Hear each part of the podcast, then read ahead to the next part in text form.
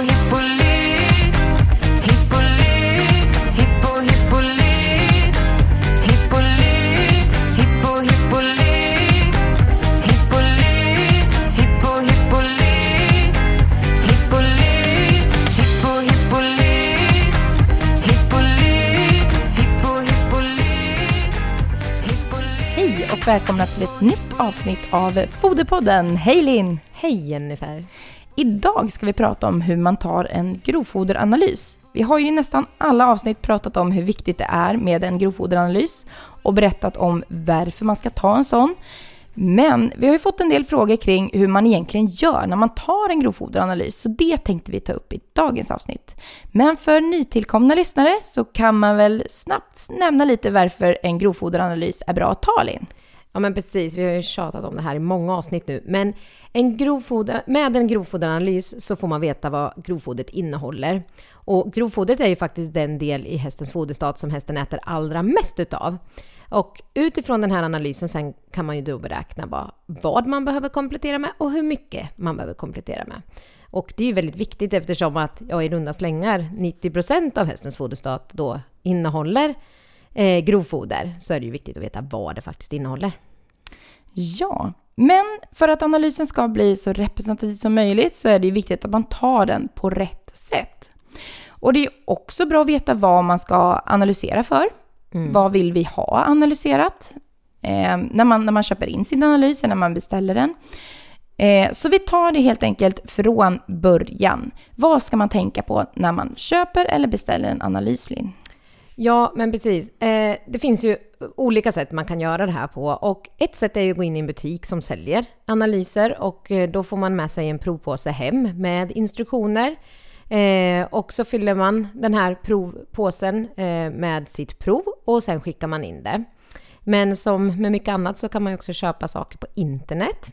Och då skulle jag säga att googlar man på grovfoderanalys eller kanske grovfoderanalys och häst så kommer upp en del eh, förslag på vart man kan köpa sin eh, grovfoderanalys. Och så klickar man in där och beställer analysen direkt på nätet.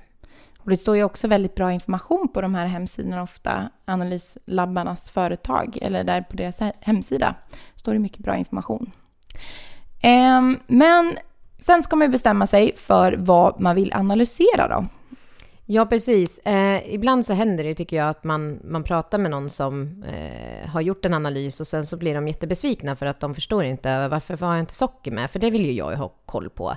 Eh, men då har man missat att beställa det helt enkelt. Så att man ska ju gå in och kolla lite grann vad, man kan alltså välja olika paket kan man säga, som man kan beställa. Och ett grundpaket är egentligen det, den enklaste formen av analys man kan göra eh, så brukar den då innehålla torr substans, eh, råprotein, omsättningsbar energi och smältbart råprotein. Det här är ju, om man säger vad de vanliga företagen har med i sina paket, som vi tar upp idag då kan man väl säga. Eh, sen finns det då ett mellanpaket och då förutom torrsubstans, råprotein, omsättningsbar energi och smältbart råprotein så har man också fått med makromineraler, det vill säga kalcium, fosfor, magnesium, kalium, natrium och svavel. Så då är analysen lite större och sen så kan man väl säga att det stora paketet då, förutom de sakerna som vi har nämnt ovan här, så innehåller den också mikromineraler, det vill säga järn, koppar, mangan och zink. Eh, och det är väl egentligen de, man säger, vanliga paketen man kan välja. Sen kan man ju då välja extra socker då, eller vattenlösliga kolhydrater som betecknas WSC, som man får kryssa i. Ja, och eh, ibland så, vissa vill ju ta selenprov också och det brukar man oftast få lägga till extra. Mm. Och det är ju i de analyserna man inte har selen analyserat så har man utgått från när man räknar på det att det innehåller väldigt lite selen i våra eh, svenska marker. Så att man har en obetydande seleninnehåll i sitt grovfoder då. Ja, jag brukar ofta inte rekommendera den mest grundliga analysen. Eh, för man vill ju ofta ha mer, eh, mer information så att säga om sitt grovfoder för att kunna räkna så bra, eh, bra foderstater som möjligt. Så att Ja, och det kan ju vara avvikelser. Det ser ju vi ofta när vi räknar foderstater, att det kan vara mikromineraler som sticker ut och är ovanligt låga, eller att det till exempel är en obalans i kalciumfosforkvoten som man inte skulle upptäcka om man inte analyserat för det. Så det brukar jag också alltid rekommendera att man tar så stor analys som möjligt. Man får reda på så mycket som möjligt. Men jag tycker ändå att det är bra att säga att skulle det vara så att man har eh, grovfoder från många olika fält och man tycker att det blir väldigt dyrt, då är det ju bättre att man tar en liten analys än ingen analys alls åtminstone. För att det kan ju vara så att man upptäcker att det innehåller väldigt lite protein till exempel. Så att det är bättre att vi analyserar att inte analyserar det alls. Men eh, ju, ju mer vi får reda på i en analys, desto bättre. Och eh, också kostnaden tänker jag här, den är ju relativ. Eh, tittar man på vad det kostar att köpa in grovfoder eller vad det faktiskt kostar om man sitter och gör en felaktig komplettering under ett helt års tid så betalar de här pengarna igen sig väldigt snabbt. Ja, så finns det ju, det här är ju en när, näringsmässig analys, men sen kan man ju också ta en analys över den hygieniska kvaliteten.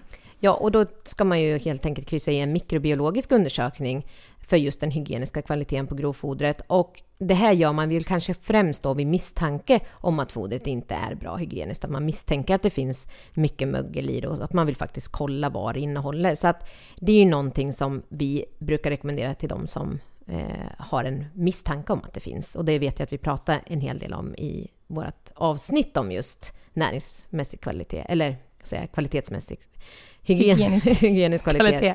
Ja. ja. Sen finns det något som kallas för vallprognos.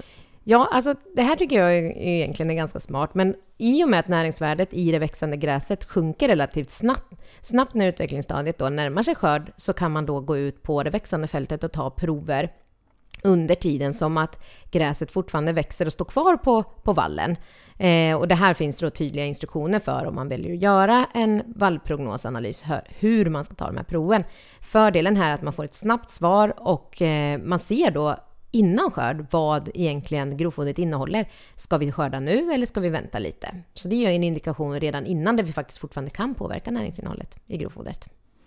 Ja, och när man väl har köpt sin analys, då, antingen beställt den eller köpt som färdigt paket, så är det då dags att ta provet. Och vad är det som är viktigt att tänka på när man ska ta sitt prov? Till exempel om vi tar det ute på fältet, vad ska man tänka på då, Linn? Ja, tar man det ute på fältet, det kanske främst handlar om när man har sin egen vall, att man gör det. Eh, och då eh, tar man ju provet i samband med skörd. Eh, och då rekommenderas det att man går då diagonalt över fältet och tar prover på flera olika ställen i strängen. Eh, för att få ett så representativt prov som möjligt. Eh, eller så kan man då samla prover från balvagnen eh, på flera olika ställen. Eh, och ska det här grovfodret då torkas till hö, då kan man ju då ta provet när man har skördat och sen torka det och skicka in det som ett torrt prov för att det ska ha samma torrsubstanshalt då som ett torkat hö. Eh, om det istället är så att det ska plastas och bli hösilage så kan det vara rekommenderat att man väntar tills att, ja, precis innan eh, grovfodret då eh, balas och plastas, så tar man eh, sin analys då för att då har det skett en förtorkning och man har ungefär samma torrsubstanshalt som i eh, det färdiga fodret som man faktiskt kommer fodra sen. Ja, för det tycker jag är viktigt att tänka på att, för det får vi ofta frågan om, om det är så att, att näringsvärdet skiljer sig någonting om man tar provet ute på fält som det sen blir i själva, om det ensileras eller om det torkats för hö. Och näringsvärdet är ju detsamma, det som kan skiljas är lite torrsubstansen. Utan det är detsamma från dess att man har skördat. Mm. Så det förändras inte. Eh. Ja, men om vi har hö då Linn, vad ska man tänka på då? Ja, har man till exempel små balar som det fortfarande förekommer en del när det gäller hö, så rekommenderas man öppna ett par stycken sådana, eh, gärna eh, mer än fem sådana, eh, för att få ett så representativt prov som möjligt. Eh, ett representativt prov ska ju spegla det hästen faktiskt får i boxen. Och om till exempel balen är eh, fortfarande vad ska man säga, att fortfarande tråden eller balsnöret sitter kvar på eh, och att man står och drar ut eh, prov ur den så kan ju blad eh, falla av och provet på så vis inte blir representativt. Eh, man vill ju ha både blad och skälka med. Sen eh, vet jag att det förekommer att man tycker att man plockar ut ett fint prov och skickar in. Och det blir ju inte heller representativt eftersom att då är det ju inte det som hästen får och äter på ett medelvärde över ett dygn, utan då tar man ju ut de finaste delarna av grovfodret. Så att det ska vara det som man helt enkelt lägger in i hästens box. Så, så bör provet se ut om man har tagit det. Eh, och någonting som jag också tycker man kanske ska nämna då är att det behöver inte vara så stora mängder, utan ett par handfulla prov Eh, och sedan så är det ju då tydliga instruktioner, men man klipper ner och blandar ihop de här olika balarnas prov och sen tar man ut en viss del av det här provet som man skickar in. Man lägger in påse och försluter. Eh, Så det brukar stå hur mycket det ska vara. Det brukar vara 300 gram till 500 gram har jag läst. Ja, så det är inte några stora mängder, men det är viktigt att man när man tar de här proverna, att man blandar omkring det så man får med ett medelvärde från de olika balarna man har tagit på. Ja, om vi har ett hösilage då? Ja, när det gäller hörselage så kan man ju egentligen göra på lite olika eh, sätt. Eh, dels så, som kanske är det absolut vanligaste, är ju att man öppnar en bal i taget och tar sig prov när balen ska utfodras. Eh, och det är ju eftersom att det är en syretät förvaring så kan man ju inte öppna fem balar och ta sina prov och sen vänta på att man ska fodra ut det, för det tar för lång tid om man inte har tillräckligt många hästar. Eh, men då öppnar man balen när den ska fodras ut och sen så eh, tar man eh, och lägger det här provet i frysen tills man har då samlat ihop tillräckligt många prov från sina olika balar. Helst gärna fler än tre stycken storbalar. Eh, och sen då så tar man fram sina prover ur frysen och blandar ihop det och precis som med hör och klipper ner och blandar ihop det och skickar in i ett prov. Eh, men då håller sig proverna helt oförändrade i frysen medan de ligger där. Eh, har man tillgång däremot på en ensilageboll så kan man ju då ta ett prov vid ett och samma tillfälle, det vill säga att man borrar eh, hål i balen och eh, sen tejpar man igen det direkt med en eh, ensilagetejp, en speciell tejp, det är inte vanlig silvertejp då. Och på så vis så kan man borra ur prov ur flera balar samtidigt och samla ihop provet på samma dag och skicka in. Eh, men det är inte så vanligt att man har de här borrarna. Nej, jag vet att det går att hyra sådana här borrar på olika företag. Eh, då brukar det oftast vara så att de har med en anställd som hjälper en att ta sådana här prover. Eh, men ja, det är inte alltid lätt att få tag på. Nej. Och är det så att man oavsett då eh, tar ett eh, hörselageprov eh, samma dag, alltså med hörborr, eller om man samlar från flera olika balar vid flera olika tillfällen, så är det viktigt att man försöker skicka in det här provet i början av veckan, så att det inte blir så att provet blir liggandes på posten över en helg till exempel, och att det på så sätt blir eh, ett missvisande resultat. En annan sak som jag tycker är viktigt att tänka på är att man heller inte ska ta i utkanten av balen utan att man, man tar i mitten av balen så att man inte...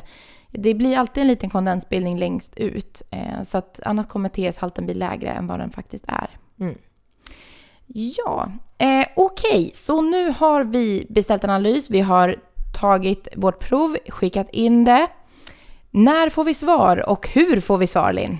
Ja, oftast så får vi ett svar skickat till mail eh, som man har uppgett och eh, jag tycker att vi får en del frågor kring eh, hur lång tid det ska ta och speciellt eh, under tider då många skickar in prov. Det brukar ju vara sensommaren och hösten. Eh, då är det ju många som skickar in prov och det kan ta lite längre tid för eh, analysföretagen. Eh, har man dessutom eh, analyserat för fler eh, parametrar, det vill säga att man har en mineralanalys eller en mikromineralanalys, så kan det ta lite längre tid innan man får svar, men inom ett par veckor så brukar man få svar. Som sagt var skickat på sin mail och då har man ju näringsvärdet på sitt grovfoder och man kan räkna en foderstat. Ja, sammanfattningsvis då. Det är viktigt att ta en analys på sitt grovfoder och det är väldigt viktigt att man får ett representativt foder som möjligt. Eller prov skulle jag säga, som möjligt.